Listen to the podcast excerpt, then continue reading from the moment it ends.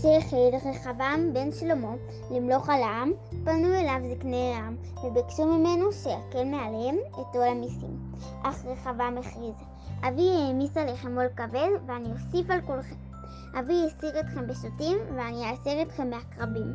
כתגובה לדברי רחבעם, התקבצו בשכם זקני העם, והמליכו עליהם את ירבעם בן נבט. משבט אפרים. רחבעם שלט איפה על שבט יהודה ובנימין, ולו ירבעם מלך על עשרת השבטים.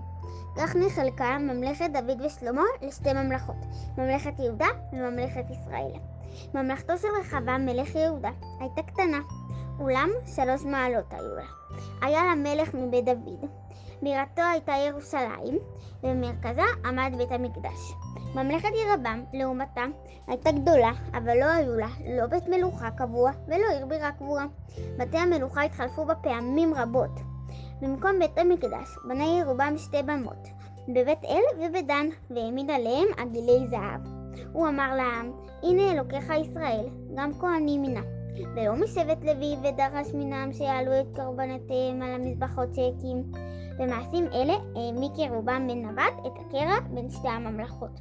בשנים שממלכות יהודה וישראל נאבקו זו בזו, עלו ופרחו באזור ממלכות גדולות.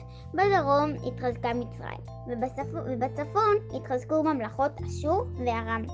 מעצמות אלה ניסו להרחיב את השפעתם ולהשתלט על הממלכות הקטנות שבסביבם.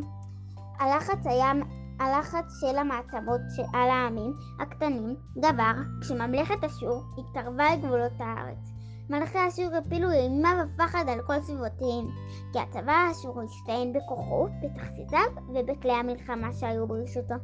מדינות רבות נכבשו על ידי אשור, ובתוכם גם ארם. שאר עמי האזור, וביניהם ישראל ויהודה, נאלצו להעלות לאשור מס כבד. מלך שלא שילם את המס במועד, הסתכן בחורבן ארצו והגליה של תושביו. מלכי העמים הקטנים כרתו בריתות ביניהם וניסו להסתחרר מהעבודה של אשור. גם מלכויות יהודה וישראל הצטרפו מדי פעם לבריתות האלה.